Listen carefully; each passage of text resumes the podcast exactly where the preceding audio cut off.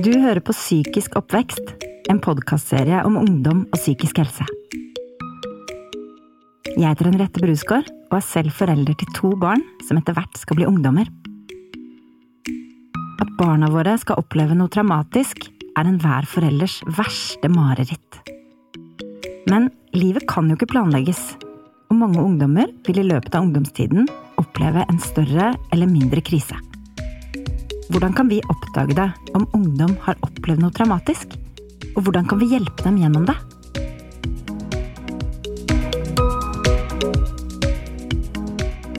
Det hører vi jo fra ungdom, sant? at de opplever å være i en krise, men så blir det ikke helt forstått av de voksne rundt at det er det det er. Heidi Wittrup Djup er psykologspesialist og daglig leder på Klinikk for krisepsykologi i Bergen. Eller at det er vanskelig å dele den krisen med andre, sant? og da Kanskje det er skyldfølelse eller skam som er til hinder for at man deler det man har opplevd. Da blir man gående med den krisen alene, og det kan bli veldig tøft. Kriser kan komme i mange former. Ifølge Heidi kan for eksempel kjærlighetssorg føles som en krise for unge. Så blir det jo veldig altoppslukende, sant, og det er jo forbundet med flere følelser enn bare det som tapet genererer av følelser, sant, med lengsel og, og savn. Det kan jo også føre til at man begynner å tvile veldig på var jeg ikke, var jeg ikke bra nok, sant? Begynner å lure på ens egen verdi, begynner å lure på hva det var for noe. Det kan jo være noe, det kan være isbad både sjalusi og, og svik, sant? At man har blitt eh, sviktet i den relasjonen som var så viktig. Selv om vi voksne lett kan tenke at dette er noe som går over, er det viktig at vi ikke bagatelliserer opplevelsen, men heller viser forståelse. Det er opp til ungdommen selv om det oppleves som en krise, ikke omgivelsene eller andre rundt. Vi må ikke ta så stor avstand til den vi en gang var selv, da, at vi glemmer hvor, eh, hvor stor slagkraft eh, disse ulike hendelsene har i ungdommens liv. Da. Det oppleves veldig sterkt når det skjer. Og når noe gjør vondt, så føles det som det aldri skal gå over igjen. Sant? Så det tror jeg er viktig at eh, foreldre kan uttrykke forståelse for det. Og så er det ikke alltid vi skal komme med så kloke råd sant, om at ja, nei, men det går over, og Det kan jo være greit å si det, selvfølgelig, for å på en måte være klar på det, da, at dette er mulig å tåle. Men noen ganger så trenger folk rett og slett bare trøst.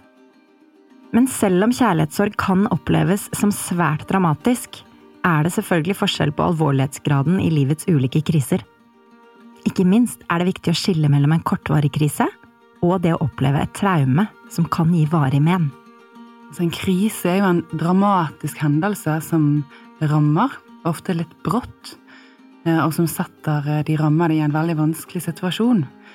Eh, men det er ikke nødvendigvis gitt at de blir traumatisert. Så selv om vi gjerne kaller dramatiske hendelser for et traume, så er ikke det gitt at man blir traumatisert. For hvis man blir traumatisert, så har man på en måte fått noen seinvirkninger av den hendelsen. Eh, og skal man si at man er traumatisert, så er det noen diagnostiske kriterier som skal oppfylles. Men det å oppleve store livsbelastninger og store kriser, det, det, vil jo veldig mange av oss gjøre. Men det betyr ikke nødvendigvis at vi blir skadet av det, eller at vi får psykiske problemer som følge av det. Noen opplevelser kan derimot få følger inn i voksenlivet. 29 år gamle Ole Tobias, som i dag jobber som fotballtrener for Grorud IL i Oslo, vokste opp med en rusavhengig og bipolar mor. Hvis ikke du vet helt hva det er, så handler det om at du har ekstremt dype depresjoner, og så har du sånn skikkelig høydere. Så det, det, kan svinge, og det kan svinge bare på fem minutter. Um, og det skal ingenting rasjonelt til for at du skal dette ned den dype dalen. Um, så det han vokste opp med, bodde sammen i ti år. Jeg hadde ingen far. Eller det vil si, jeg hadde mange fedre som kom inn og ut. Eh, ikke helt sikker på hvem av dem som eh, hadde en intensjon om å være en far, men det var eh, i all grunn den eh, core barndommen min.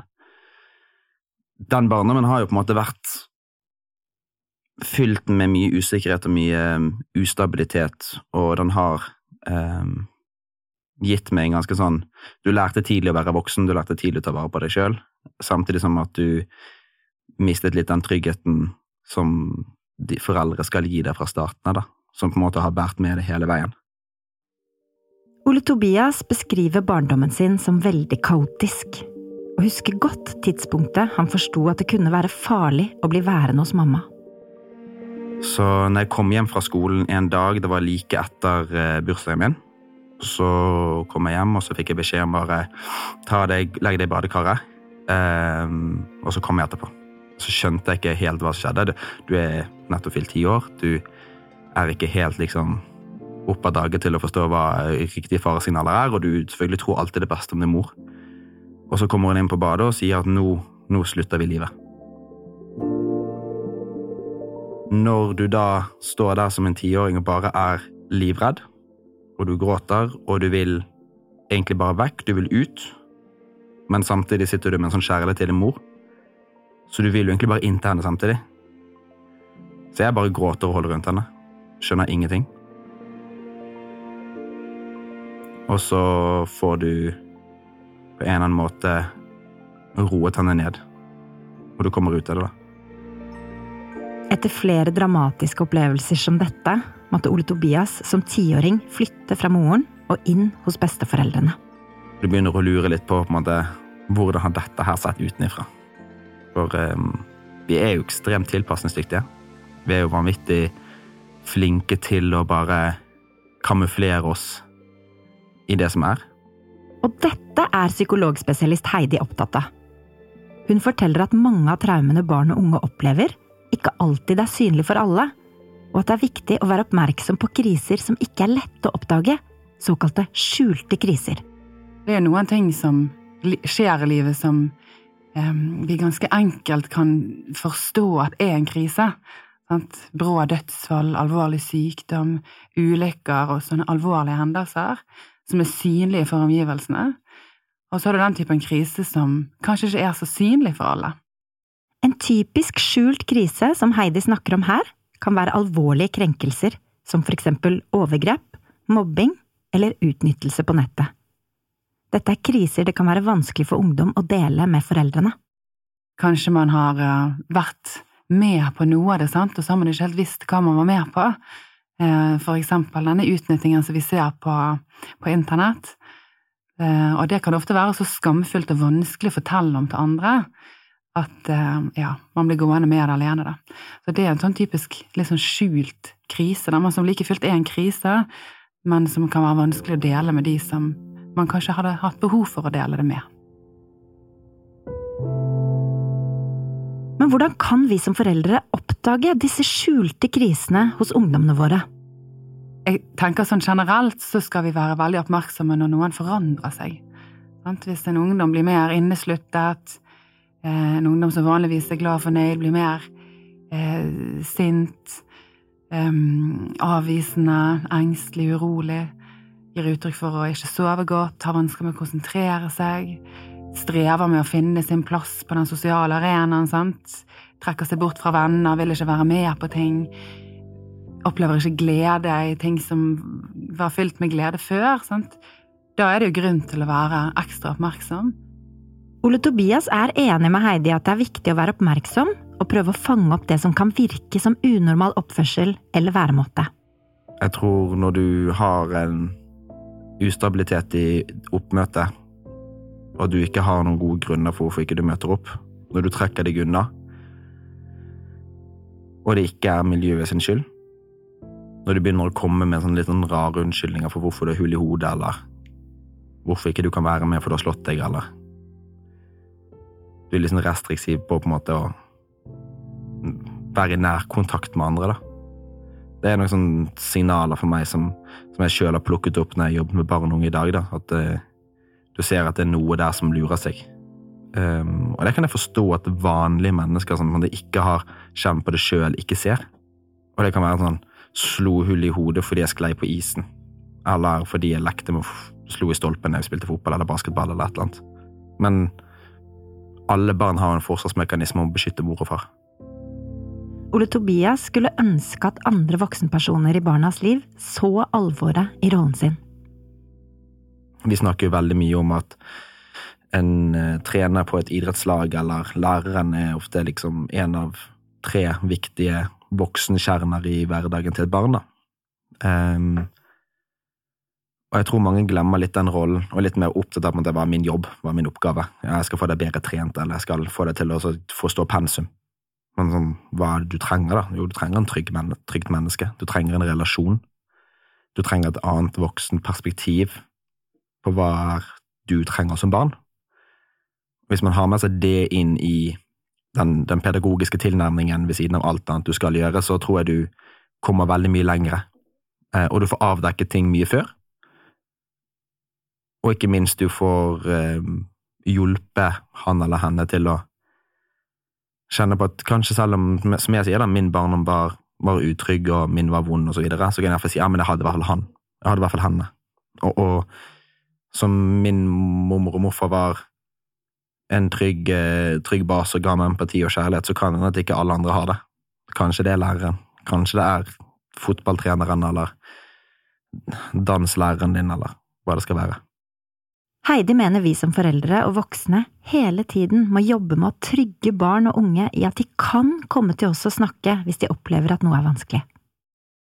Ungdomstiden er også spesiell, for det er jo gjerne en tid vi har lyst til å være litt lik de andre. sant?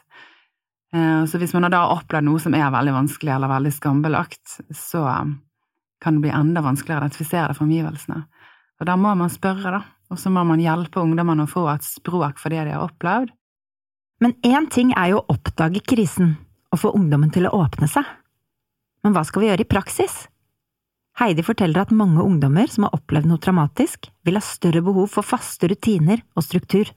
Og da vil jo det å legge seg og stå opp til samme tid være viktig, selvfølgelig, men også det å gjenoppta hverdagen, gjenoppta dagliglivets rutiner. Og da får jo skolen en veldig viktig rolle. Eh, fritidsaktiviteter for det. Og det som representerer normaltilstanden for denne ungdommen, det er liksom et mål å komme tilbake til. Hvis en ungdom har opplevd en akutt krise, altså en akutt dramatisk hendelse, så vil jo den hendelsen gjerne være forbundet med noen sterke inntrykk. Uavhengig av om man blir traumatisert eller ikke, så vil jo gjerne den første fasen være preget av en forhøyet aktivering. Da vil kroppens fysiske system være ekstra påskrudd, og det kan oppleves som indre uro, hjertebank, rastløshet eller ekstra årvåkenhet. Man kan også få konsentrasjonsvansker, søvnvansker og kjenne på at kroppen er mer anspent. Og hvis man òg har opplevd en fysisk krenkelse sant, i form av en voldtekt eller et overgrep eller vold, så, så kan man jo òg ha noen sånn kroppslige eh, flashbacks, holdt jeg på å si. det, altså påmin, Påminnere rent sånn kroppslig og fysisk. mange av disse ungdommene vil jo trenge å forstå at deres reaksjoner eh, er forståelige i lys av det som har hendt. Så det med litt informasjon om eh, reaksjoner og normalisering av det, vil ofte være viktig. Og det vil være viktig å sette ting inn i en sammenheng, altså skape seg en sånn eh, sammenhengende historie eller sånn narrativ over det som har hendt, for det også kan dempe litt den aktiveringen som de kanskje kjenner på. Eh, I ungdomstida mi så hadde jeg både en høygirsnivå, og så hadde jeg også det skikkelig lavgir. Altså jeg gikk sånn helt ned og var helt rolig og gjorde ingenting, og du på en måte du beveget meg ingen steder. Når jeg på en måte kom ut av den fasen, ut av depresjonen og, og på en måte den det høygiret slo inn, så var det det å være veldig sosial. Veldig avhengig av bekreftelse. Skal være med på alt. Du hadde den der eh, konstante fomoen som man snakker om, inni deg. Um, og den tror jeg nok hang med meg ganske lenge. Sånn typ i ti år. Sånn fram til jeg var sånn 24-25. Så, så hang den med meg og skulle på en måte alltid, alltid være der ute og få bekreftelse og få eh, aksept av andre. Fordi du har ikke fått det fra den personen du trengte det mest. Og fordi du gjerne skulle kompensere den der eh, Du vil ikke ta tak i alle tingene, du vil ikke tenke på dette, så du flytter fokuset, du flytter tanker og prosesser til andre steder. Og så lager du deg gjerne andre prosesser, du begynner å lage deg andre tankemønstre som gjør at du Når du ikke tar tak i det viktigste, så tar du tak i de andre små tingene rundt heller. Og det har nok vært eh, min, mine symptomer. Det tok mange år før han begynte å ta tak i og jobbe med de traumene han hadde. Ole Tobias skjønte noe var galt da han innså at han rett og slett ikke klarte å holde på vennskap.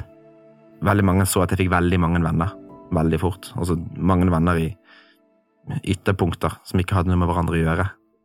Men så eh, ble de aldri noe dype, for det var ikke, var ikke noe godt å begynne å få den dype tilnærmingen til folk, og du visste ikke helt hvordan du skulle gjøre det. Samtidig som at du begynner å eh, bytte ut mennesker veldig fort, så det blir en sånn bruk-og-kast-mentalitet. Så det bygget jo opp under egentlig ensomhet. Ensomheten ble jo den største. Um, og så som utenifra så ser du bare at å, han har masse venner, han er supersosial, og folk digger han. Men sannheten var jo at du sitter inne og bare ja, jeg er ganske ensom, jeg føler egentlig ingen liker meg. I dag lever Ole Tobias et godt liv med kjæreste og drømmejobben som fotballtrener. Han har bearbeidet traumene ved å akseptere det som har skjedd. Jeg fikk jo aldri muligheten til å tilgi min mor, og strengt tatt har vel jeg eh, aldri kunne gjort det i dag heller på det grunnlaget jeg sitter med, men jeg har akseptert det. Jeg har akseptert at hun var syk, jeg har akseptert at hun sleit, jeg har akseptert at hun gjorde mye dumme valg, som for veldig mange der ute føles totalt uforklarlig. Hvis man som familie opplever en krise, eller har et barn som står i en krise, mener psykologspesialist Heidi det ofte kan være lurt å være åpne med skole og omgivelsene om situasjonen.